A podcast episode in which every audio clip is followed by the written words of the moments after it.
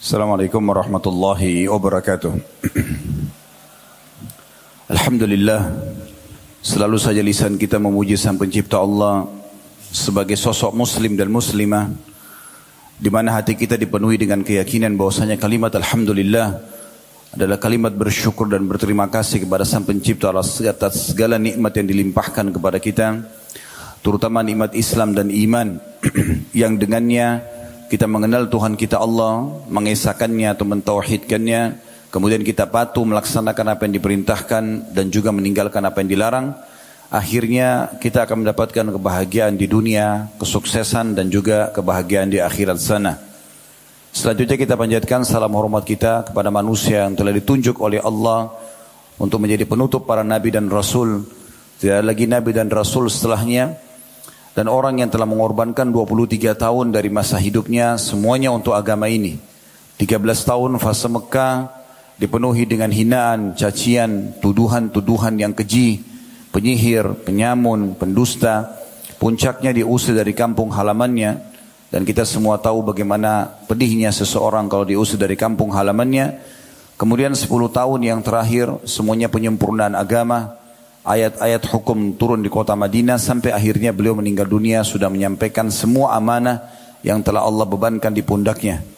Mengucapkan satu kali salam hormat kepada manusia terbaik ini akan dibalas oleh Allah subhanahu wa ta'ala dengan sepuluh rahmat dan sering kami bahasakan di hampir setiap pengajian andai saja dibalik dengan mengucapkan sepuluh kali salam hormat diberikan satu rahmat Allah sudah cukup karena rahmat Allah meliputi pengampunan dosa, peninggian derajat, pemenuhan kebutuhan semua masuk dalam naungan rahmat bagaimana kalau seandainya mengucapkan satu kali salam hormat kepada manusia terbaik ini dibalas dengan sepuluh rahmat oleh karena itu setelah memuji Allah Alhamdulillah Sangat wajar kalau kita selalu mengucapkan salawat dan taslim kepada Nabi besar Muhammad sallallahu alaihi wa ala alihi wa sahbihi wasallam.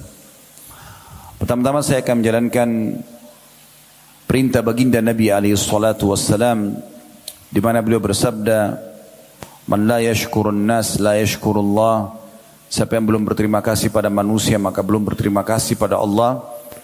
Maka yang paling pantas saya ucapkan jazakumullah khairan untuk semua yang terlibat sebagai panitia baik itu dari ustaz dan ustazah di Al-Wafi ini begitu juga dengan para orang tua santri dan santriwati begitu juga tidak luput dengan seluruh teman-teman jajaran yayasan dimulai dari Ustaz Alman, eh, Ali Salman hafizahullah saya cuma bisa mengucapkan jazakumullah khairan atas kepercayaan ini semoga saya bisa sesuai dengan apa yang diharapkan memberikan materi yang kedua, saya duduk di sini bukan karena saya lebih tahu, teman-teman sekalian.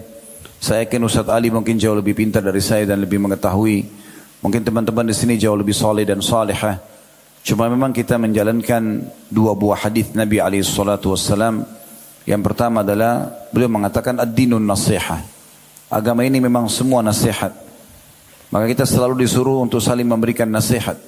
Dan hadis yang kedua, Salah satu hak seorang muslim idza stansaha kafansah lahu.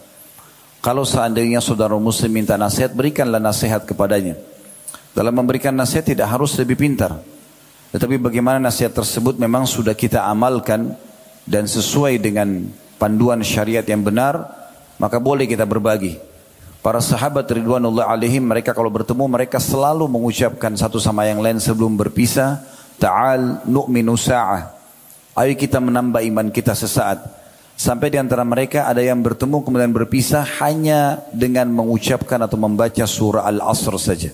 Agar mereka saling menasehati satu sama yang lain. Ini kurang lebih dalam pembukaan yang kami ingin sampaikan. Dan ke depannya insya Allah entah berapa waktu kita menyelesaikan materi kita. Tema yang sudah disepakati Ramadan yang kunanti. Ini akan kami hubungkan dengan bedah buku ringkas yang pernah Allah amanahkan kami menyusunnya. Judulnya Dasyatnya Ramadan dan Alhamdulillah sudah terbit dan disebarluaskan. Nanti akan kita fokus untuk membahas poin-poin yang akan atau yang sudah kami susun di buku ini. Semoga saja kita jadi mengetahui bagaimana indahnya, bagaimana sempurnanya bagaimana dahsyatnya Ramadan itu sehingga di hari-hari pertama ini jangan sampai kita kalah start. Karena memang agama ini akan sangat mudah. Semua isi syariat akan sangat mudah untuk diterima dan diamalkan bagi orang yang memudahkannya. Namun akan sulit bagi orang yang mempersulitnya. Kapan seseorang itu memulai Ramadan dengan beban fikiran puasa sebulan, akan ada sholat terawih, saya akan menahan lapar dan haus, saya harus membaca Al-Quran, saya harus menutup aurat, saya harus ini dan itu, lalu dijadikan sebagai beban maka akan berat bagi dia. Tapi siapa yang memulai di garis star ini, mumpung kita masih di hari kedua, dengan meringankannya, Alhamdulillah kesempatan ibadah kepada Allah, kesempatan dekatkan diri kepada Allah subhanahu wa ta'ala, Lalu kita nikmati puasa itu. Toh juga pada saat azan maghrib kita bisa menikmati makanan dan minum. Belum lagi pahala melimpah yang dijanjikan oleh Allah subhanahu wa ta'ala. Maka akan mudah semuanya. Demikian juga kita tarik dalam semua ibadah. Haji, umrah, zikir, berdoa, jenguk orang sakit, bakti sama orang tua. Kapan kita mudahkan untuk bisa menerima dan niat mengamalkannya maka akan mudah tentunya. Ramadan ini saudaraku seiman adalah waktu yang telah Allah pilih secara khusus. Sebagaimana Allah pilih di kalangan para malaikat yang jumlahnya sangat banyak, ada Jibril, Mikail dan Israfil.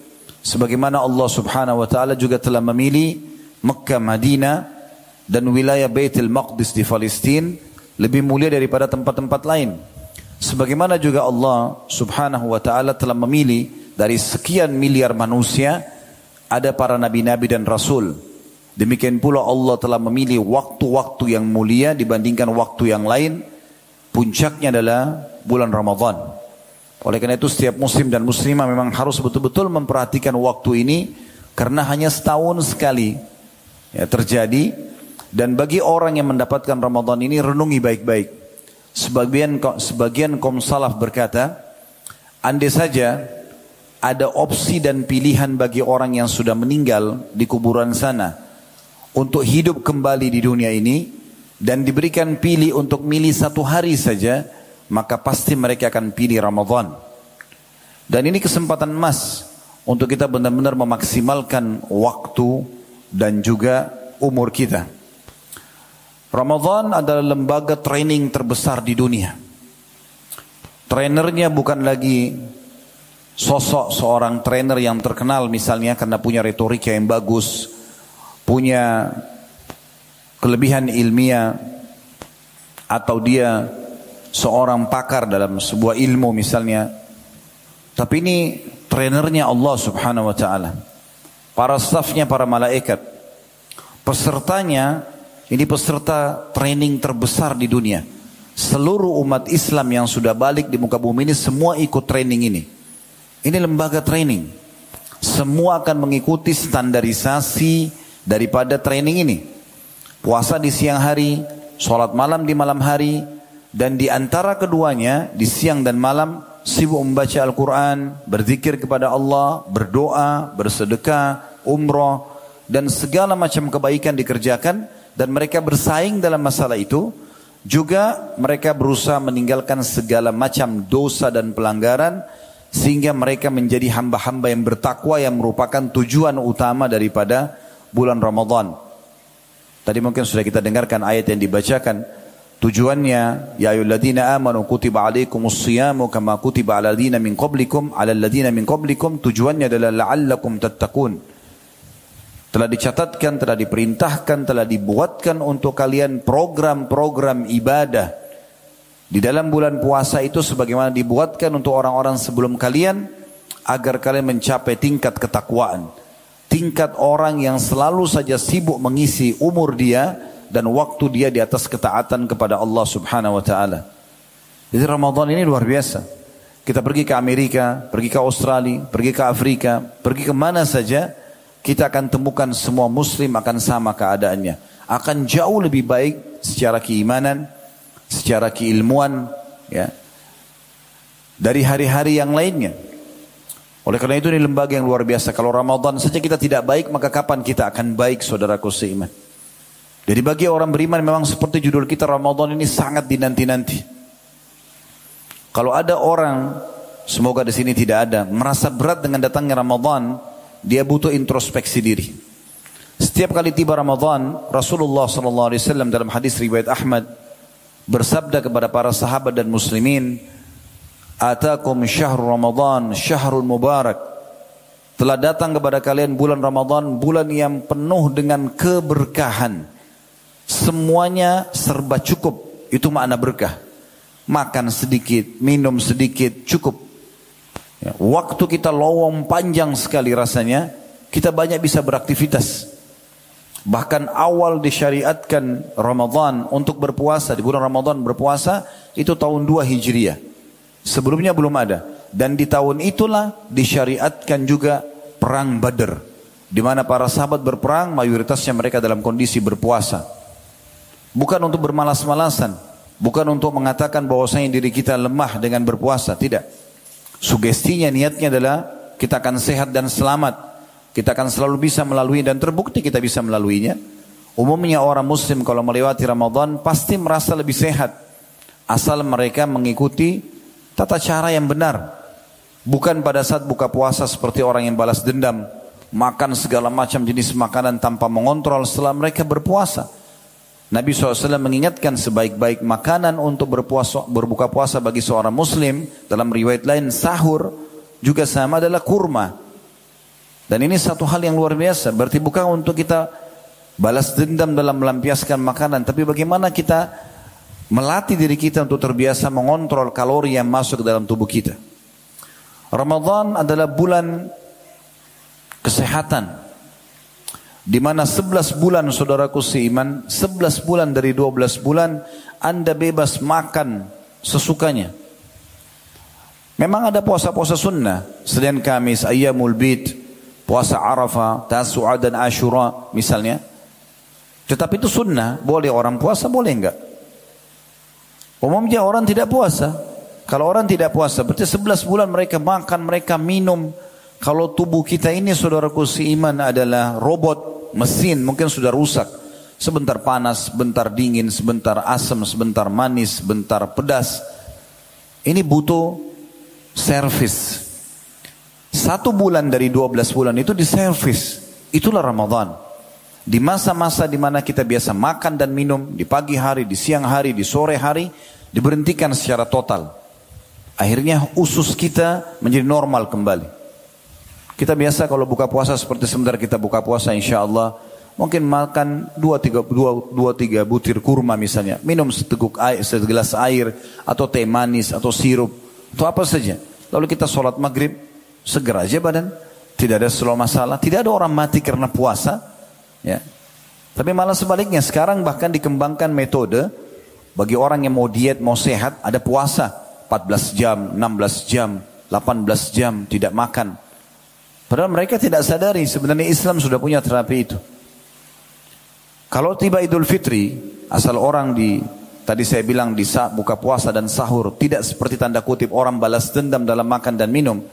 Tiba di Idul Fitri, mungkin kita bertamu silaturahim ke rumah keluarga, ke teman-teman kita saudara muslim misalnya.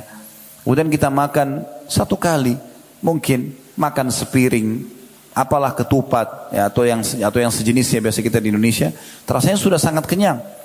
Karena kita baru keluar kalau mobil itu baru keluar dari bengkel, habis diservis, suara mobilnya akan lebih kecil, lebih bagus, gasnya juga kalau diinjak mobilnya lebih kencang, remnya juga lebih bagus untuk menahan. Kalau kita ingin berhenti, begitu ibaratnya orang selepas puasa. Jadi jangan pernah memulai Ramadan dengan beban. Siapa yang memulai dengan beban maka akan jadi beban buat dia. Siapa yang memulai dengan ya, menikmatinya, mengejar keutamaannya maka luar biasa. Di Ramadan ini juga Nabi SAW mengatakan lanjutan hadisnya, "Far iftaradallahu alaikum siyamah." Allah telah memerintahkan kalian untuk mengerjakan puasa di dalamnya. Kemudian beliau mengatakan, tuftahu fihi abwabul jannah dibuka pada bulan Ramadan pintu-pintu surga karena semua amalannya membawa ke surga puasa, sholat, baca Quran semua kepatuhan wa tughlaqu fi abwabul jahim ditutup semua pintu-pintu neraka Karena semua dosa-dosa ditutup pada bulan Ramadan. Ya. Bahkan kalau ada seorang muslim buat dosa mungkin ditegur oleh saudaranya muslim yang lain. Kenapa? Misalnya tidak puasa. Kenapa nggak puasa? Ditanya. Atau ada orang misalnya melakukan kemaksiatan serum ditegur biasanya kalau bulan Ramadan. Walaupun di luar Ramadan juga kita dianjurkan menegur. Tapi ini bulan Ramadan lebih mendorong orang untuk mengingatkan satu sama yang lain. Tertutup pintu-pintu untuk masuk ke dalam neraka. Bisa juga bermakna yang lain. Khusus satu Ramadan. Iklan resmi Sampai akhir Ramadan terbuka pendaftaran untuk masuk ke dalam surga. Terbuka pendaftaran untuk menghapus nama-nama kita dari api neraka. Ibaratnya kalau sebuah sekolah terbuka atau membuka pendaftaran dari tanggal 1 misal Maret ke tanggal 31 Maret. Siapa yang mendaftar di waktu ini persentase diterimanya jauh lebih besar dibandingkan dia daftar setelah lewat masa pembukaan pendaftaran misalnya. Seperti itu kurang lebih Ramadan. Kesempatan mendaftarkan diri ke surga. Kesempatan juga menghapuskan nama kita dari api neraka. Karena kata Nabi SAW di setiap malam dari malam-malam Ramadan Allah memiliki hamba-hamba yang dihapus namanya dari api neraka. Ya, utaqa minan nar, dibebaskan dari api neraka. Makanya imam-imam haram sering kali membaca dalam doa-doa kunut mereka, Allah ma'atiq riqabana wa riqaba abaina ummahatina minan nar. Ya Allah selamatkan, hapuskan nama kami dari api neraka, nama ibu kami, ayah kami. Ya. Karena memang bulan Ramadan bulan untuk itu. Lalu kata Nabi SAW, وَتُغَلُّ fihi syayatin. Ya. Dan dibelenggu ya. semua syaitan-syaitan yang biasa menggoda kita. Belenggu itu saudaraku seiman, kedua tangan diikat, leher juga dijepit diikat, kaki juga diikat. Ini namanya belenggu. Gak bisa bergerak. Kalau kita ibaratkan kita dengan syaitan itu berada di garis start dan kita akan lomba lari dengan dia, di bulan Ramadan ini kita leluasa, jalan santai pun aman. Tidak usah lari pun aman, apalagi kalau kita lari, lebih kuat dalam beribadah. Karena syaitan yang selalu menyesatkan manusia lagi dibelenggu. Ingat pada saat tiba Idul Fitri nanti, jangan salah dalam bertahmid atau memuji Allah. Karena banyak orang selepas Idul Fitri, lisannya mengatakan Alhamdulillah. Tapi Alhamdulillah kenapa? Karena lepas dari penjara ibadah, tanda kutip. Alhamdulillah tidak lagi puasa, tidak lagi sholat terawih, tidak lagi baca Quran, tidak lagi zikir, tidak lagi patuh kepada Allah atau bebas berbuat kemaksiatan lagi. Ini keliru Alhamdulillahnya. Harusnya kita mengatakan Alhamdulillah saya siap sekarang menerapkan praktek ibadah Ramadan di luar Ramadan. Sebulan penuh kita dibiasakan puasa, harusnya setelah lebaran nanti kita tarik kebiasaan itu ke puasa-puasa sunnah. Sebulan penuh kita biasa terawih, tarik nanti untuk biasa sholat tahajud. Sebulan penuh kita biasa baca Quran, tarik juga setelahnya. Begitu terus semua ibadah yang kita lakukan. Maka itu fungsi daripada Ramadan. Ya. Ini luar biasa. Dan kata Nabi SAW di penutupan hadis, fihi lailatun khairu min alfi syahr. Dan di malam di Ramadan ada malam lebih baik daripada seribu bulan. Kalau kita bagi ini kurang lebih keluar 83 tahun plus 3 bulan sekian. Artinya mengucapkan subhanallah di malam itu walaupun dia cuma satu malam di malam-malam ganjil di 10 terakhir Ramadan ya. Tetapi tidak akan mendapatkannya kecuali orang yang baik startnya. Kalau dia startnya baik dari awal Ramadan, Allah akan mudahkan dia nanti mendapatkan Lailatul Qadar itu. Lebih baik daripada seribu bulan artinya kita kalau mengucapkan subhanallah di malam itu pahalanya bisa berlipat ganda seperti kita melakukannya selama seribu bulan atau 83 tahun plus 3 bulan sekian. Begitu juga dengan baca Quran, begitu juga dengan sedekah, begitu juga dengan yang lainnya. Semuanya akan dilipat gandakan. Lalu kata Nabi SAW, Man haruma khairah fakat harum. Siapa yang telah terharamkan dari kebaikannya, tidak bisa jadi baik, tidak bisa jadi orang yang mendapatkan pahala yang maksimal di Ramadan, tidak dibersihkan dosanya, maka dia telah terharamkan dari semua kebaikan. Kalau Ramadan kita jadi tidak jadi baik, lalu kapan kita akan lebih, jadi baik? Kalau Ramadan kita tidak menjadi lebih baik dari sebelumnya, lalu kira-kira kapan kita akan menjadi lebih baik dari sebelumnya? Kalau Ramadan tidak membuat kita taubat dari dosa-dosa kita, lalu kira-kira kapan kita akan bertaubat kepada Allah subhanahu wa ta'ala. Kalau Ramadan kita tidak membaca Al-Quran, tidak berzikir, lalu kapan kita akan membacanya? Sementara semua muslim lagi mengikuti training ini. Juga ada poin penting, sebelum kita masuk ke poin-poin yang akan saya sampaikan tentang dahsyatnya Ramadan Bagaimana memang Ramadan sesuatu yang wajar untuk dikejar, dinanti oleh kaum muslimin. Umat-umat sebelum kita saudaraku seiman, mereka memiliki umur yang sangat panjang. Beda dengan kita. Umur kita itu disebutkan dalam sebuah hadis Nabi alaihi salatu wassalam dalam hadis riwayat Al-Hakim A'maru ummati ma baina sittina ila sab'ina wa aqalluhum man yajuzu dhalik Umur umatku antara 60 sampai 70 dan sedikit yang melalui itu. Ada 70 ada, 80 ada, 90 tapi mayoritas generasi yang seumur dengan orang ini sudah meninggal semua. Bisa dihitung jari yang hidup sampai umur 100 tahun misalnya. Tapi umat-umat sebelum kita luar biasa umur mereka. Mungkin tidak asing bagi kita semua Nabi Nuh alaihissalam. Nabi Nuh berdakwah di kaumnya dan yang didakwai satu generasi. Artinya bukan kaum yang lain, bukan, tapi satu generasi. Umur mereka didakwahi oleh Nabi Nuh SAW seribu tahun kurang 50, artinya 950 tahun Nabi Nuh berdakwah. Dan Nabi Nuh diutus oleh Allah SWT di umur 40 tahun. Itu sudah hampir seribu tahun. Di masa Nabi Nuh AS dalam sebuah athar disebutkan ada seorang ibu menangisi anaknya meninggal di um, um, ibu ini umurnya 90 tahun. Anaknya waktu itu umur 60 tahun meninggal. Dia tangisi ibu ini. Waktu Nabi Nuh AS lewat, Nabi Nuh tanya, kenapa engkau menangis wahai ibu? Kata ibu ini, karena anakku meninggal, kesian dia masih kecil. 60 tahun bagi mereka dianggap kecil. Karena waktu itu umur mereka ribuan tahun. Ya, umurnya sampai 1000 tahun, 1100 tahun, 900 tahun. Umur mereka tua-tua. Kalau kita hanya 60 sampai 70. Maka kata Nabi Nuh AS, jangan kau tangisi anakmu, karena akan ada nanti generasi manusia di akhir zaman yang umur tertua mereka seperti umur anakmu ini. Maka si ibu itu mengatakan, andai saja saya ikut, saya hidup di masa itu wahai Nabi Allah, maka saya akan gunakan 60 tahun itu semuanya sujud kepada Allah. Karena bagi mereka 60 tahun sedikit. Ya. Nah, bagaimana kita bisa menyaingi umat-umat sebelum kita, sementara umur kita terbatas, Itulah sebabnya Allah memberikan kita pelipat gandaan pahala. Di antaranya dengan hadirnya Ramadan. Saudaraku siman lebih dalam kita bahas masalah Ramadan yang ku nanti ini dengan beberapa keutamaan Ramadan itu sendiri. Supaya kita tahu. Begini saya ingin jelaskan. Kalau teman-teman ingin rajin mengerjakan satu jenis ibadah, apa pun ibadah itu, Sholat, puasa, baca Quran, zikir, jenguk orang sakit, bakti sama orang tua, haji dan umur, apa saja. Sebelum anda kerjakan, cari tahu dulu fadilahnya. Kalau bahasa kita keutamaannya. Supaya kita termotivasi mau mengerjakan dan menjaganya. Istiqomah di situ. Kalau orang sebelum sholat malam baca tentang keutamaan sholat malam, Terlebih lagi handphone kita di masa sekarang ini sudah menjadi perpustakaan berjalan. Kita tinggal ketik di Google keutamaan sholat malam misalnya.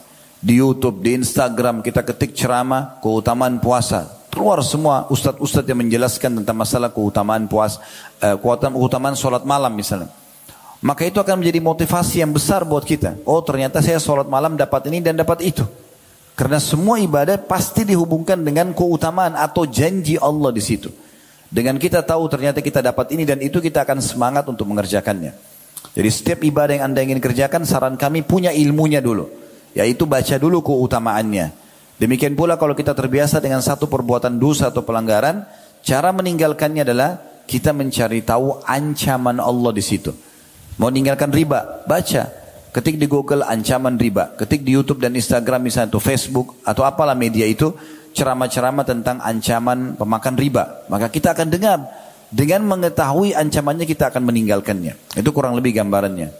Ramadan ini memiliki banyak sekali fadilah atau keutamaan. Yang pertama adalah bulan turunnya Al-Quran. Dan semua orang tahu masalah itu karena Allah subhanahu wa ta'ala berfirman di dalam surah Al-Baqarah, surah nomor 2 ayat 185. Syahrul Ramadan alladhi unzila fil Qur'an hudan linnasu bayinati minal huda wal furqan. Al-ayah. Yang artinya bulan Ramadan yang di dalamnya diturunkan Al-Quran sebagai petunjuk bagi manusia dan penjelasan-penjelasan mengenai petunjuk itu. Mana yang benar, mana yang salah, mana yang halal, mana yang haram, ya, mana yang diperintahkan, mana yang dilarang. Dan pembeda antara mana yang benar dan yang salah atau yang batil. Dan juga Disebutkan dalam sebuah riwayat yang sahih diriwayatkan oleh Tirmidzi kata Anas bin Malik radhiyallahu anhu dalam riwayatkan maaf dari riwayat Ibnu Abbas radhiyallahu anhu karena Rasulullah sallallahu alaihi wasallam ajwadun nas. Rasulullah SAW orang yang sangat dermawan. Wa kana ajwadu ma yakunu fi Ramadan. Dan lebih dermawan lagi di bulan Ramadan. Berarti ada motivasi di sini untuk lebih rajin beribadah di bulan Ramadan Hina yalqahu Jibril wa kana yalqahu fi kulla fi kulli lailati min Ramadan. Dan pada saat itu Jibril alaihissalam pemimpin para malaikat selalu bertemu dengan Nabi SAW di setiap malam dari malam Ramadan. Fayudarisuhul Quran dengan tujuan untuk ya, membacakan Al-Quran. Fala Rasulullah SAW ajadu bil khairi min rihil mursala. Dan ketahuilah Nabi SAW lebih dermawan lebih cepat mengeluarkan sedekah dan bantuannya daripada angin yang berhembus. Kita perlu garis bawahi, Al-Quran mungkin Anda begitu dengar Al-Quran, oh sudah tahu Al-Quran. Tapi permasalahannya masih banyak orang yang belum memberikan hak Al-Quran. Al-Quran ini teman-teman sekalian bukan tulisan seorang profesor, bukan tulisan seorang yang memang um, um, seorang penulis yang memiliki buku bestseller misalnya, karena memiliki tulisan yang menarik untuk dibaca ya. Bukan ini kalamullah kalam Rabbul Alamin perkataan ya dari Tuhan alam semesta Allah Subhanahu wa taala. Isinya luar biasa. Berisikan informasi tentang umat sebelum kita informasi tentang apa yang harus kita lakukan sebagai panduan hidup sekarang informasi dengan apa yang terjadi di akan datang anda ingin cari ilmu pengetahuan ada dalam Al-Quran. Mencari tentang kisah umat-umat sebelum kita ada dalam Al-Quran. Mencari tentang apa pun yang terjadi di masa akan datang, hal-hal yang gaib juga ada dalam Al-Quran. Membacanya ibadah. Setiap hurufnya diberikan pahala. Ya. Al-Quran memiliki empat hak dari kita. Yang pertama, membacanya. Ngerti tidak mengerti artinya, baca. Dikhatam, ulangi lagi dikhatam, ulangi lagi. Dan Nabi SAW memuji ya, orang-orang yang membaca Al-Quran di dalam sabda beliau, diriwayatkan Imam Bukhari, Al-mu'minu alladhi al-Quran wa ya'malu bihi kal utrujja. Perumpamaan orang mukmin yang membaca Al-Quran dan mengamalkan isinya, dia seperti buah utrujja. Kalau teman-teman mau tahu utrujja itu dia mirip seperti buah pir. Tapi bedanya kalau pir tidak ada bau wanginya, kalau ini ada wanginya. Kalau diketik di Google buah utruja keluar. Ya, tapi dia lebih besar sedikit eh, bentuknya dan baunya sangat wangi. Kalau dimakan juga manis sekali. Nabi SAW memberikan gambaran seperti itu dan beliau jelaskan ta'muha tayyibun wariyuha tayyib. Rasa cita rasanya manis, enak dan baunya juga wangi. Wal mu'minu alladhi la yaqra'ul Qur'an wa ya'malu bihi katamra. Sementara orang mukmin yang tidak membaca Al-Quran tapi mengamalkan isinya seperti buah kurma. Ta'muha tayyibun wala rihalha rasanya manis tapi tidak ada baunya. Tapi di sini Nabi SAW memberikan gambaran untuk membaca Al-Quran. Beliau juga mengatakan dalam hadis diriwayatkan Imam Muslim ikra'ul Qur'ana fa innahu ya'ti yaumal qiyamati syafi'an li ashabihi. Bacalah dan rutinkan baca Al-Quran itu ya dari awal sampai akhir dari Al-Fatihah, Al-Baqarah, Al-Imran ya. Terus lanjut ya An-Nisa dan sampai selesai An-Nas 114 surah ulangi lagi ya. Karena sesungguhnya Al-Quran itu akan datang menjadi penolong bagi pembacanya pada hari kiamat. Demikian juga dengan hadis Nabi SAW diriwayatkan oleh Imam Muslim. Kalau kita kuasai Al-Quran dengan bacaannya yang benar, makharijil huruf yang benar, ya, ucapan hurufnya benar, menguasai tajwidnya, ya, maka kedudukan kita Allah SWT angkat derajatnya bersama dengan para malaikat. Dalam hadis ini kata Nabi SAW, Al-mahiru bil Qur'ani ma'as safaratil kiramil barara. Orang yang menguasai Al-Quran, bacaannya bagus, lancar bacaannya, makharij hurufnya bagus, tajudnya bagus, maka akan bersama dengan para malaikat yang mulia. Walladhi Qur'ana wa yatata'ta' fihi dan orang yang baca Quran tapi dia terbata-bata baru belajar wahwa alaihi syaqun dan itu berat bagi dia tapi tetap dibaca sama dia lahu ajran dia akan mendapatkan dua pahala dia akan mendapatkan dua pahala dan tidak asing juga hadis Nabi sallallahu alaihi wasallam ya, diriwayatkan oleh Tirmizi man qara harfan min kitabillahi falahu bihi hasana Siapa yang baca satu huruf Al-Quran, kitabullah, maka dapat satu pahala. Wal hasanatu bi ashri amthaliha. Dan satu pahala itu akan dilipat gandakan sepuluh kali lipat. Lalu kata Nabi SAW, Wala akulu alif lam min harf. Saya tidak ucapkan alif lam mim satu huruf. Walakin alifun harf. Tapi membaca satu alif saja dihitung satu huruf. Walamun harf. Lam juga satu huruf. Wa mimun harf. Dan mim juga satu huruf. Artinya kalau kita baca Al-Fatihah saja. Alhamdulillahi Rabbil Alamin. Alhamdu alif lam ha mim dal. Lima huruf. Lima puluh pahala. Ya, Rabbi semua tulisan bahasa Arab yang pakai tasydid itu ya digabung karena itu e, penggabungan antara dua huruf yang kembar. Untuk memudahkan digabungkan lalu diberikan tasydid. Akar bahasa akar katanya itu adalah robaba. Digabung jadi rob ya. Jadi kita bilang robbi berarti robaba sebenarnya ya. Atau tiga ada baknya dua. Berarti tiga huruf. Alhamdulillah tadi alhamdulillah 50 robbi 30 berarti 80 ya. Alhamdulillah, maaf, kita mulai dari lillah dulu. Alhamdulillah 50 huruf, 5, 5 huruf berarti 50 pahala. Alif lam ha mim dal berarti 50 pahala. Lillah sama tadi ada tasydidnya berarti lamnya bukan dua tapi ada tiga. Dengan hak berarti 40. Empat huruf itu. Lillah empat huruf. Empat, empat huruf berarti 40 pahala. Tambah Alhamdulillah berarti 90 pahala. 50 tambah 40. Robbi tiga huruf tadi. 30 berarti. Kena robbaba ya. Berarti 80 tambah ya. Di 30 di sini eh, maaf 5, 50 tambah 40 90 tambah 30 berarti 120 alamin alif lam ain alif ini 4 lam mim ya mi, nun ini 4 berarti 80 alaminnya. Berarti alhamdulillah rabbil alamin ada 200 pahala. Itu besar sekali. Ya, pahalanya besar sekali dan kita tidak bisa teman-teman sekalian menjadikan satu huruf seperti angka satu ya. Karena sering kali digambarkan dalam banyak hadis-hadis Nabi SAW kalau balasan orang mukmin itu bergunung-gunung.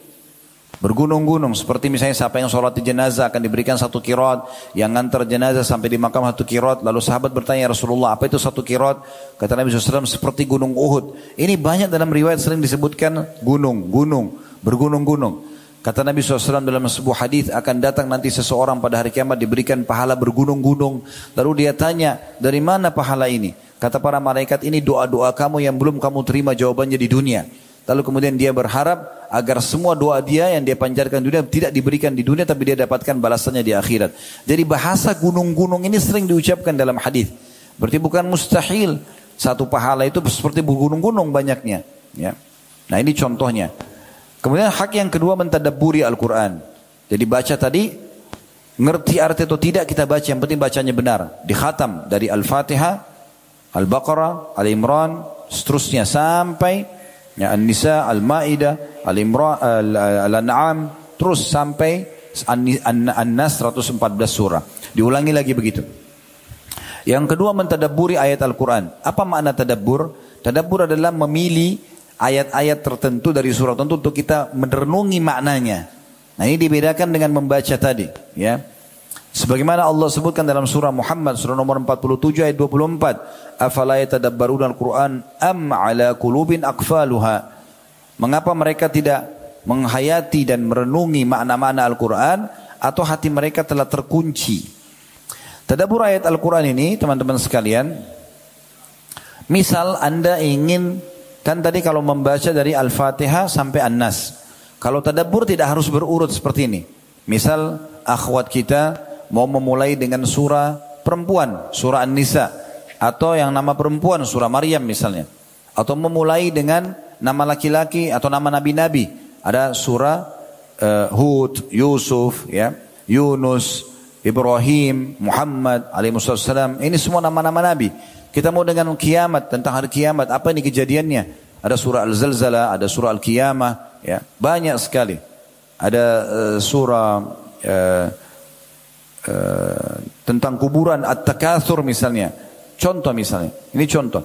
Dan banyak yang lain. Anda mau mulai dengan nama-nama hewan, ada Al-Baqarah, ada An-Naml, ya, ada sapi betina, ada semut, ya, ada langkabut, laba-laba, ada al-fil, gajah.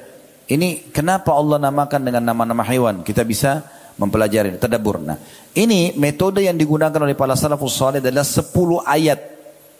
Mereka disebutkan dalam sebuah riwayat Bukhari, kata para sahabat, kami tidak melewati 10 ayat Al-Quran kecuali kami sudah mentadaburinya, merenungi maknanya, menghafal lalu mengamalkannya. Jadi kita pilih 10 ayat saja, 10 ayat per hari. Kalau mau lebih boleh, tapi ini jumlah minimal lah 10 ayat. Kalau kita bagi lagi, di setiap habis sholat dua ayat saja, subuh dua ayat, duhur dua ayat, asar dua ayat, maghrib dua ayat, isya dua ayat, maka sepuluh ayat per hari. Kita sudah mencontohi para sahabat Nabi Ridwan Alim dalam mentadaburi sepuluh ayat Al-Quran. Di sini sepuluh ayat, Anda baca terjemahannya, Anda baca sebab nuzul kalau ada sebab turunnya ayat, Anda baca uh, keterangan tafsirnya, itu namanya tadabbur. Yang ketiga, menghafalnya. Dan ini sama pentingnya dengan Orang-orang yang tadi membaca juga dengan mentadaburinya. Kalau metode menghafal yang paling ringan, tentu teman-teman sudah tahu metode eh, berbagai macam metode, tapi yang dari kami adalah mirip dengan tadabbur, lebih simpel begitu. Mulai saja dengan 10 ayat per hari. 10 ayat saja. Dan mulai mirip dengan tadabbur tadi dari surah-surah yang paling kita suka. Misal kita mau dari surah An-Nahl tentang lebah. Kenapa nih Allah cerita tentang lebah nih? Mulai dari surah An-Nahl, surah nomor 16 misalnya. Kita mulailah 10 ayat. Metodenya juga 10 ayat ini dengan 10 kali mengulanginya. Mengulanginya adalah tiga kali pertama itu dengan melihat.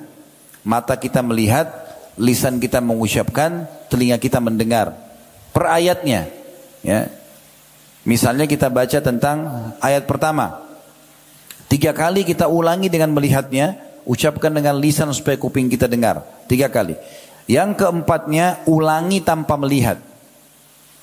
Kemudian lima, enam, tujuh ya kita ulangi lagi dengan tidak melihatnya. Maaf ya dengan melihatnya. Jadi satu dua tiga pertama kita ulangi satu ayat dengan melihatnya. Lisan kita ucapkan supaya telinga dengar.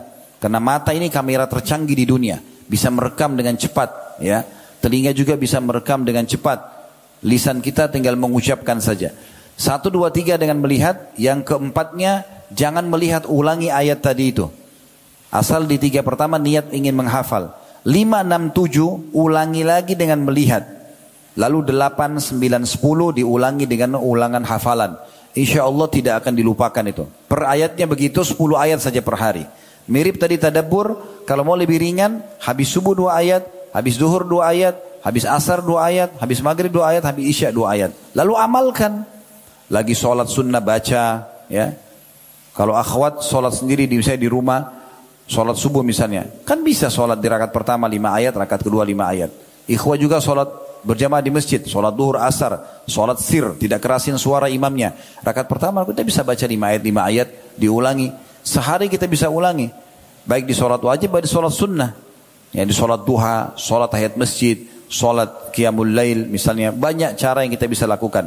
Intinya teman-teman sekalian, orang yang hafal Quran ini salah satu keutamaan yang sangat besar bagi mereka nanti di hari kiamat derajat mereka di surga akan ditinggikan sampai ke derajat tertingginya surga dan setiap satu ayat yang dia ulangi karena hafalannya akan mengangkat dia satu derajat.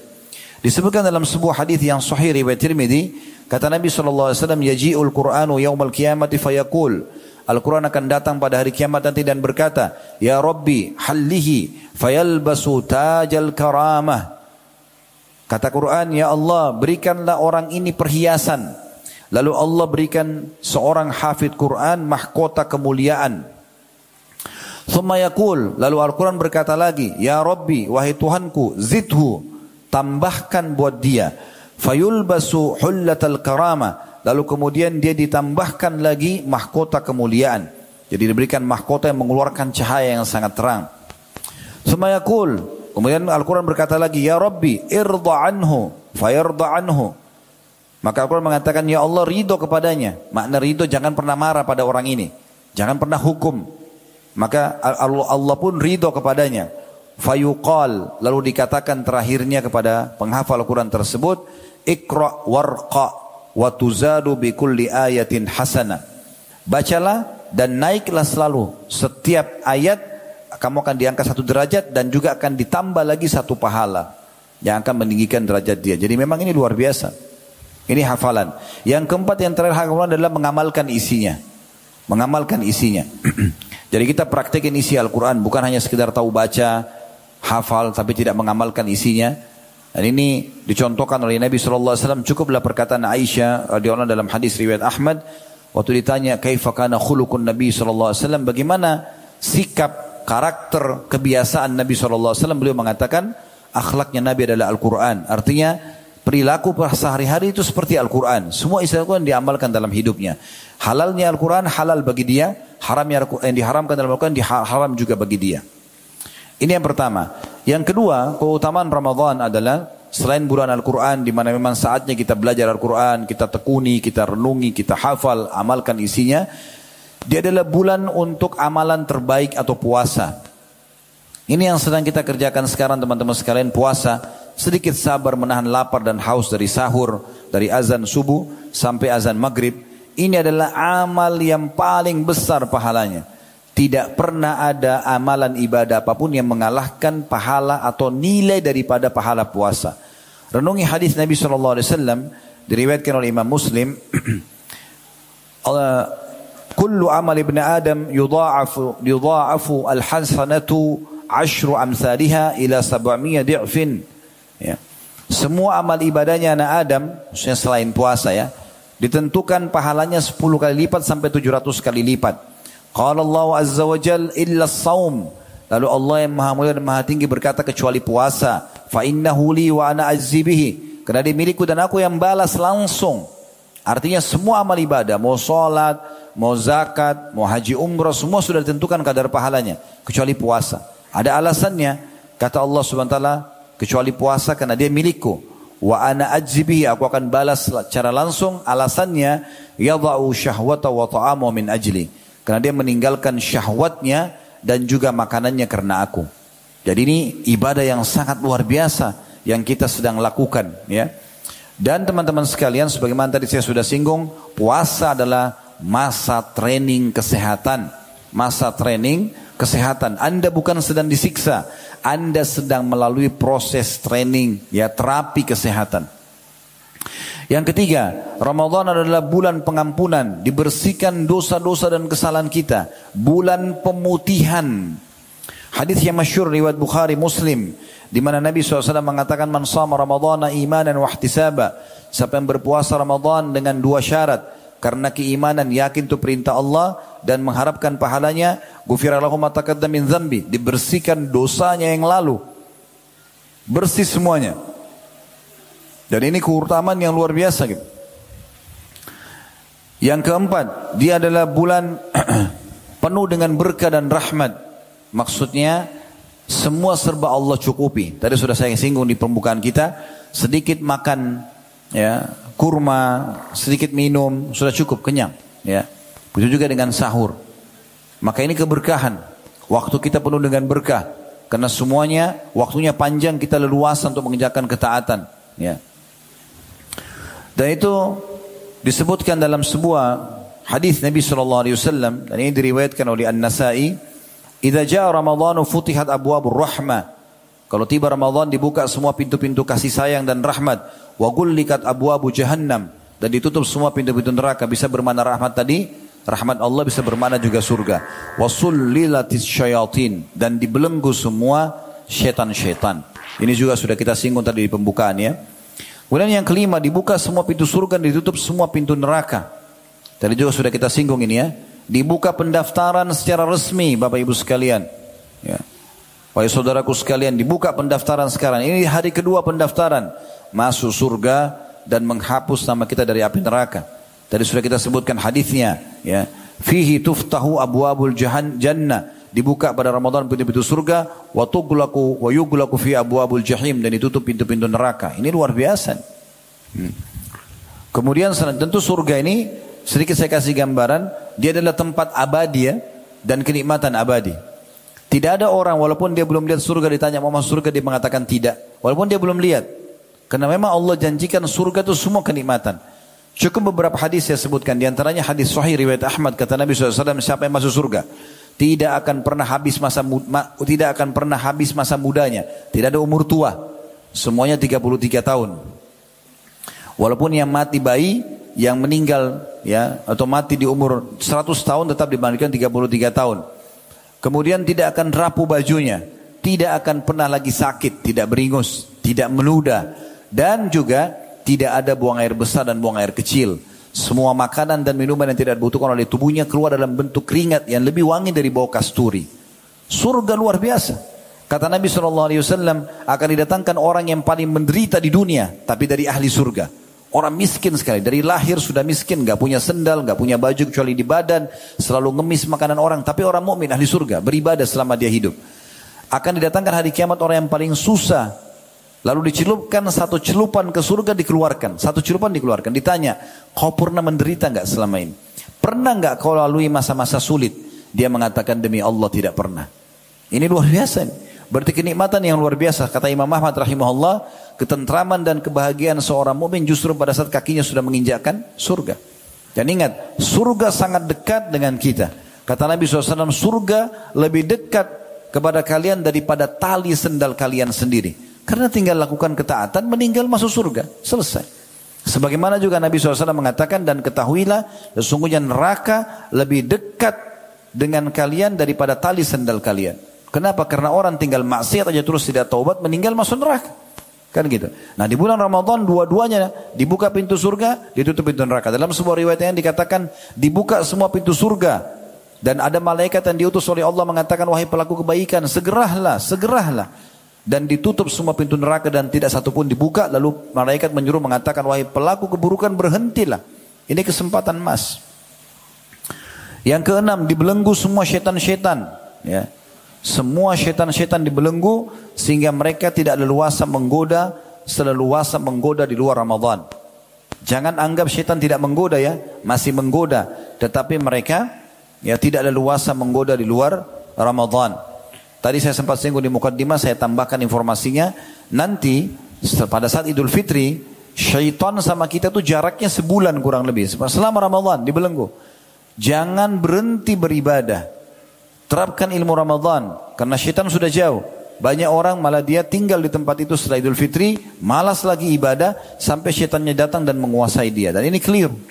Musuh bebuyutan kita sedang dibelenggu, Bapak Ibu sekalian. Mudah sekali kita ibadah karena tidak ada godaan-godaan yang datang kecuali sangat lemah. Disebutkan dalam sebuah hadis, ya. Diriwayatkan oleh Tirmidzi, kata Nabi SAW, "Idza kana awwalu lailatin min syahr Ramadan, suffidat syayatin." wa marratul jin. Kalau tiba di awal Ramadan, ya kemarin mulai awal Ramadan dan kita masih di hari kedua, kalau tiba di awal Ramadan, di awal malam Ramadan, maka semua syaitan-syaitan dibelenggu dan jin-jin yang jahat. Wa gullikat abwabun nar falam yufta minha bab dan ditutup semua pintu neraka dan tidak dibuka satupun. Wa futihat abwabul jannah falam yuglak minha bab dan dibuka semua pintu surga ya dan tidak ditutup satupun. Kemudian wayunadi munadin dan akan ada yang memanggil ya. Ya bagi al khair akbil wa ya bagi syar aqsir. Wahai pelaku kebaikan ayo segera maksimalkan ini. Wahai pelaku keburukan segera berhenti. Walillahi utaqau minan nari wa dzalika kulla lailah. Dan Allah memiliki orang-orang yang dihapus atau dibebaskan dari api neraka dan itu terjadi setiap malam. Yang ketujuh saya ringkaskan, yaitu bulan yang terkabulkan doa. Ini saatnya kita berdoa kepada Allah Subhanahu wa taala. Karena dalam sebuah hadis ya di mana disebutkan hadis ini diriwayatkan oleh Imam Bukhari atau Imam Imam Bazzar dan dihasankan oleh para ulama hadis di antaranya juga diriwayatkan oleh Imam Ahmad.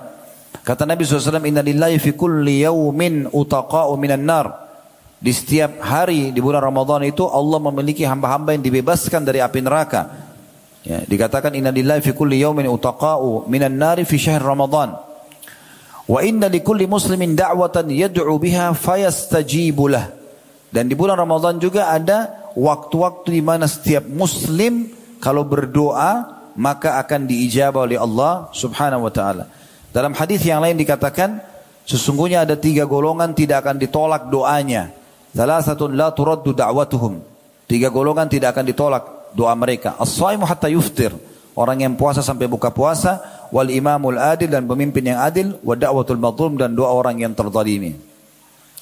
Dan ini tentu banyak ya. Uh, selama kita puasa diijabah, antara azan iqamah kita diijabah ya.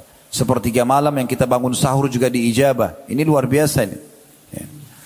Kemudian yang kedelapan, ada pelipat gandaan pahala yang tadinya ibadah sunnah bisa seperti pahalanya ibadah wajib, yaitu umroh. Kalau kita umroh di Ramadan, bagi bapak ibu yang Allah berikan kesempatan, ada harta, keluarkan, pergi umroh di bulan Ramadan ini. Karena pahalanya sama dengan haji, plus haji bersama Nabi Shallallahu Alaihi Wasallam. Ini luar biasa. Haji saya sudah cukup, apalagi pahalanya sama dengan haji bersama Nabi Alaihi Wasallam. Karena kata Nabi SAW dalam hadis yang sahih, fa inna umratan fi Ramadan taqdi hajjatan ma'i. Umrah di bulan Ramadan ya, itu sama pahalanya dengan haji bersamaku. Hadis sahih diriwayatkan oleh Bukhari. Dan kita juga memang dianjurkan agar selalu melakukan ibadah haji dan umrah. Kalau Bapak Ibu tidak bisa punya kesempatan untuk melakukan ibadah umrah kecuali setahun sekali jadikan di Ramadan.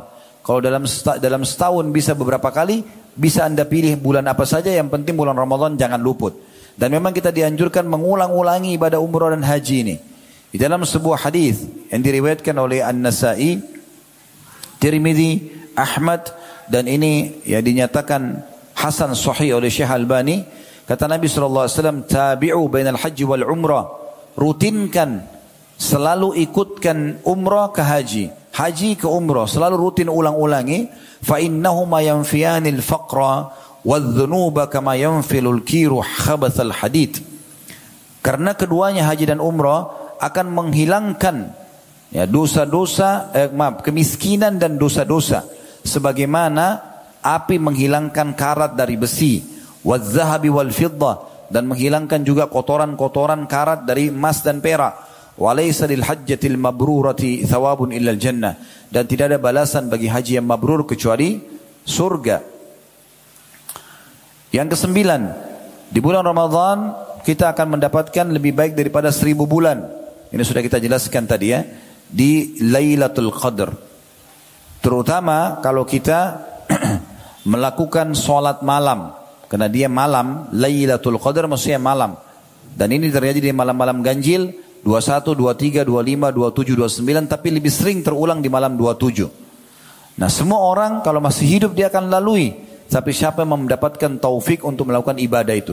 Sebagian ulama mengatakan yang mendapatkan taufik adalah orang yang betul-betul ikhlas ingin mengejarnya, maka Allah akan kasih. Sebagaimana orang kalau mati syahid, itu juga sama. Dia mendapatkan karena dia sangat ikhlas ingin mencarinya. Makanya setiap berperang jihad, yang mati syahid selalu lebih sedikit. Karena memang orang yang paling ikhlas yang dipilih. Di perang Badr, 314 orang yang pergi berperang, cuma 60 yang mati syahid. Di perang Uhud 700 pasukan muslimin cuma 70 orang mati syahid. Di perang Khandak bisa dikatakan tidak ada korban muslimin. Fathi Makkah tidak ada korban kaum muslimin. Ya gitu. Di perang Khaybar ada beberapa korban muslimin. Tapi dihitung cuma tidak sampai 10 orang mungkin korban muslimin. Jadi sedikit sekali orang yang mati syahid gitu kan. Karena memang Allah subhanahu wa ta'ala memilih mereka. Nah begitu juga dengan masalah Lailatul Qadar ini. Imam Nawawi rahimahullah mengatakan, aku ingin sekali mendapatkan Lailatul Qadar dari awal semangat beliau luar biasa. Lalu beliau mengatakan aku pun sempat tertidur dan dari atap rumahku di malam hari di malam 27 tiba-tiba wajahku terkena cahaya bulan yang aku terbangun karenanya. Maka aku menyadari malam-malam ganjil, malam 27 maka aku pun mengerjakan ibadah solat pada saat itu. Dan Nabi SAW sudah mengatakan man qama Lailatul Qadri imanan wa ihtisaba ghufira lahu ma taqaddama min dzambi. Siapa yang mengerjakan atau mendirikan malam Lailatul Qadar ya. Karena keimanan dan mengharapkan pahalanya maka akan diampuni dosa-dosanya yang telah lalu. Kemudian yang ke-10, bulan kesempatan untuk melipat gandakan mendapatkan pahala Ramadan yang sangat banyak dengan cara membuka puasakan orang lain. Ya, ini sebuah keutamaan yang luar biasa ya. Kata Nabi SAW, Man sa'iman. Siapa yang buka puasakan orang yang sedang puasa. Seluruh umat Islam di muka bumi mayoritasnya puasa. Di mana pun anda cari orang puasa sekarang anda bisa dapatkan. Kalau Senin Kamis, Ayamul Bid, ada yang puasa, ada yang tidak. Bahkan mayoritas tidak puasa. Ramadan semuanya puasa. Jadi keutamaan bisa kita dapatkan. Siapa yang buka puasa kan orang puasa. Karena lau mithru ajrihi ghaira annahu la yanqus min ajri saimi syai'a. Maka dia akan dapatkan pahala orang yang sedang dibuka puasakan tanpa dikurangi pun dari pahala orang yang dibuka puasakan. Dia hari itu membaca Al-Quran, dia sholat, dia apa saja puasa yang dia kerjakan selama dia, puasa, eh, selama dia puasa, ibadah yang dia kerjakan selama dia puasa, kita buka puasakan maka kita akan dapat pahala dia lengkap. Ya, tanpa diambil dari pahala dia sedikit pun. Ada seorang sahabat di riwayat lain mengatakan begini, Ya Rasulullah, tidak semua orang bisa buka puasakan orang lain.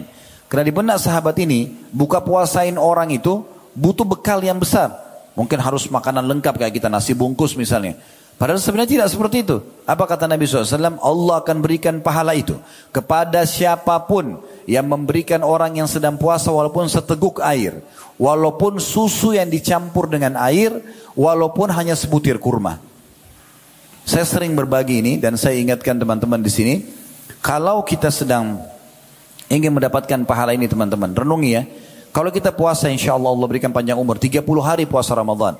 Kita dapat 30 pahala puasa. Mau nggak teman-teman? Dapat pahala 60 pahala puasa. 90 pahala puasa. 1000 pahala puasa. 1 juta, 1 miliar. Kalau mau, sebanyak apa pun mau. Tentu kita bilang mau. Caranya gimana? Buka puasain orang. Tapi kan biayanya besar Ustaz. Kita kasih contoh. Contoh yang paling sederhana di negara kita adalah kita bisa membeli air mineral.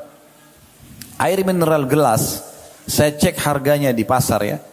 25 ribu sampai 30 ribu rupiah. Isi gelasnya 48 gelas. Kalau ini kita bagi, misal setiap hari satu dus saja. Investasi 30 ribu rupiah, kali satu bulan 30 hari berarti 900 ribu rupiah. Berarti kita mendapatkan pahala hari itu per harinya 49 pahala puasa. Pahala kita satu, pahala 48 orang yang minum dari air gelas kita. Kenapa kita tidak lakukan ini? Bagaimana kalau kita bisa menyumbang sehari 10 dus, 100 dus, 1000 dus. Murah sekali. Baik Ustaz, saya tidak punya uang juga untuk buka puasain orang gitu. Karena memang ini tetap butuh duit gitu, keluarin uang. Baik, satu dus satu bulan pun tidak bisa. Baiklah, ada cara lain. Kadang-kadang saya tanya teman-teman kita yang tidak mampu, saya tanya, Anda buka puasa di mana? Oh, buka puasa di masjid dekat rumah. Baik, apa susahnya membantu marbot masjid menata buka puasa?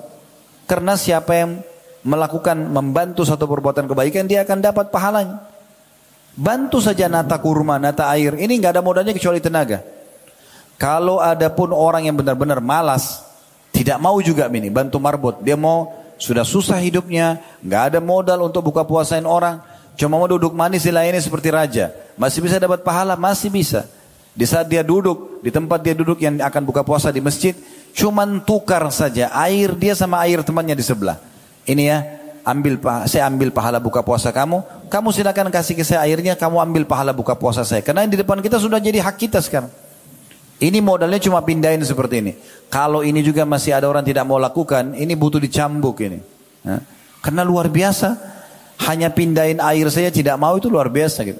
Ya. Jadi ini penting untuk kita ketahui. Yang ke-11 adalah peningkatan ya skill spiritual atau keimanan atau mengupgrade ya kualitas dan kuantitas ibadah kita. Jadi ada sholat tarawih, itu kan sholat malam ya, tarawih artinya santai. Dimajukan setelah ba'diyah isya supaya setiap umat Islam terbiasa dulu bangun sholat. Pada saat itu ya, biar terbiasa sholat, supaya dia tercatat dalam bukunya ada sholat malamnya. Gitu kan? Kalau di luar Ramadan kan kita dianjurkan di akhir malam. Ya, selepas dia isya kita cuma sholat witir atau hajud, tidak disarankan gitu kan. Tapi Ramadan dibolehkan untuk membuat umat Islam memudahkan dulu terapi. Gitu. Kalau dia lepas Ramadan karena tidak dikerjakan lagi setelah dia isya, dia bisa kerjakan sepertiga malam karena tiap hari sekarang kita dilatih untuk bangun di waktu sahur. Umumnya orang kalau kita tanya di bangun kapan bangun waktu sahur, mereka akan katakan bangun sahurnya misalnya ya, satu, satu, satu atau dua jam sebelum subuh. Apalagi ibu-ibu kalau masak siapin sahur misalnya. Maka berarti itu waktu sepertiga malam di mana waktu mustajab doa. Di itulah yang kita dibiasakan satu bulan untuk bangun sholat malam. Nah kenapa kita tidak maksimalkan? Ini kan peningkatan kualitas kita secara ibadah dan kuantitasnya juga bisa. Seperti kita biasa sholat malam cuma dua rakaat, kita bisa sekarang empat rakaat, bisa delapan rakaat. Kita tadinya biasa cuma baca satu dua ayat, baca surah-surah pendek, sekarang kita bisa baca surah yang lebih panjang dan seterusnya. Ya, begitu juga dengan di akhir Ramadan ada itikaf. Itikaf kita tinggal di masjid, gitu kan? Kita bisa meningkatkan kualitas kita dengan bersedekah, memperbanyak jumlah sedekah yang kita keluarkan. Kita juga bisa berbagi selain buka puasa, berbagi sahur misalnya. Ya, semua itu kita bisa dapatkan di bulan Ramadan. Kemudian selanjutnya, mungkin ini poin-poin yang terakhir. Ya, kalau tadi itu adalah yang ke-11, maka yang ke-12 ya adalah bulan pengaturan waktu. Kalau saya bahasakan begitu ya.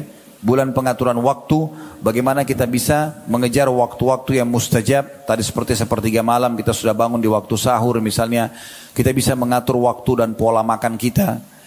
Yang ketiga belas adalah bulan peredam syahwat. Ya.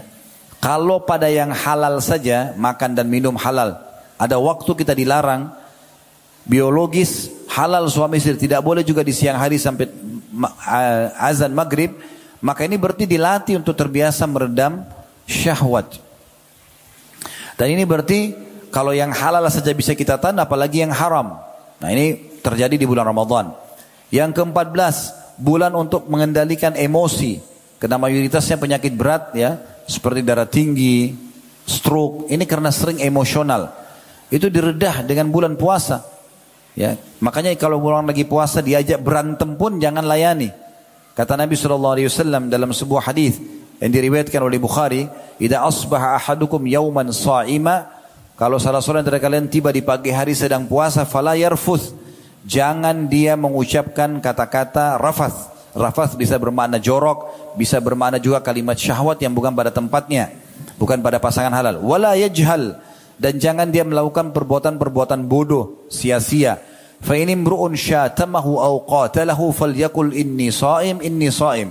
Kalau ada yang ajak dia bertengkar atau mencaci maki dia, maka sebaiknya dia mengatakan saya sedang puasa, saya sedang puasa. Maksudnya apa? Saya sedang ikuti pelatihan puasa. Ya, saya sedang mengikuti pelatihan puasa. Yang kelima belas adalah bulan pembentukan kepedulian. Ya, baik dengan sedekah buka puasa orang tadi dan juga ada di akhir Ramadan nanti di Idul Fitri kita ada pengeluaran zakat fitrah. Selain pembersihan dosa-dosa kita dan kesalahan dan kelainan di bulan Ramadan, juga ini bentuk kepedulian supaya kita mengenyangkan dan memberikan makanan yang layak untuk orang-orang miskin. Kata Nabi SAW dalam sebuah hadis riwayat Abu Dawud, Farada Rasulullah SAW, maaf, dikatakan Ibnu Ab, Abbas berkata, Farada Rasulullah SAW zakat al-fitr. Rasulullah SAW memfaridahkan atau memerintahkan zakat fitrah, ya dari makanan pokok kita keluarkan, tuhratun dis-saimi minal lagwi wa rafathi. Karena dia akan menjadi pembersihan bagi orang yang berpuasa dari ya hal yang sia-sia dan kata-kata yang tidak benar. Dan juga tu'matan lil masakin memberikan makan kepada orang-orang miskin berikan kepedulian kepada mereka. Man addaha qabla salati fahiya zakatun maqbula yang mengeluarkan zakat fitrah sebelum salat Idul Fitri maka dia akan diterima sebagai zakat yang fitrah atau zakat yang diterima. Wa man addaha ba'da salati fahiya sadaqatun minas sadaqat Siapa yang keluarkan setelah sholat idul fitri, berarti terhitung dia seperti mengeluarkan sedekah secara umum saja. Yang ke-16, ada bulan pengaturan pola makan sehat dan kita tutup dengan ini. Ya, ini keutamaan yang ke-16 yaitu bulan pengaturan pola hidup yang sehat. Siapa yang terancam dengan diabetes, terancam dengan eh, kegemukan ya atau apalah kira-kira. Masalah-masalah biasanya kena masalah di perut nih ya Kata Nabi SAW tidak ada sesuatu yang lebih buruk, lebih buruk yang diisi oleh manusia atau anak Adam dibandingkan perutnya. Karena sumber masalah di makanan dan minuman. Ramadan mengatur kita untuk itu. Ingat sabda Nabi SAW, La yazalu ummati bi khairin ma'ajjalul iftara wa akharus sahur. Atau suhur. Dalam hadis riwayat Bukhari. Umatku akan selalu dalam keadaan baik, sehat, selamat, selama mereka menyegerakan waktu buka puasa. Azan buka puasa. Dan juga selama mereka mengakhirkan sahur. Artinya mereka makan tidak terlalu malam tapi sudah menjelang waktu azan ya. Itu lebih baik maka ini mereka akan tetap dalam keadaan baik. Dan disebutkan bahwasanya Nabi SAW berbuka puasa kan dari hadis Anas bin Malik radhiyallahu anhu sebagai penutup ya. Karena Nabi SAW yuftiru qabla an yusalliya ala rutabat. Nabi SAW kalau buka puasa ya dengan rutabat beberapa butir kurma yang basah. Fa in lam takun rutabat fatumairat. Kalau tidak ada rutab ya kurma yang basah maka dengan kurma yang kering. Fa in lam takun tumairatun hasa hasawatin min ma. Dan kalau tidak punya kurma pun, maka beliau meminum beberapa tegukan air. Berarti dari riwayat ini disunnahkan memang pada saat awal buka puasa itu dengan kurma. Karena Nabi SAW mulai dengan kurma, kemudian kurma basah kalau tidak ada kurma kering, kalau tidak ada baru kemudian air. Artinya dimulainya. Tapi setelah kita makan sedikit kurma lalu kita minum air juga boleh-boleh saja. Nah ini termasuk sunnah Nabi SAW sebagaimana hadis riwayat Abu Daud.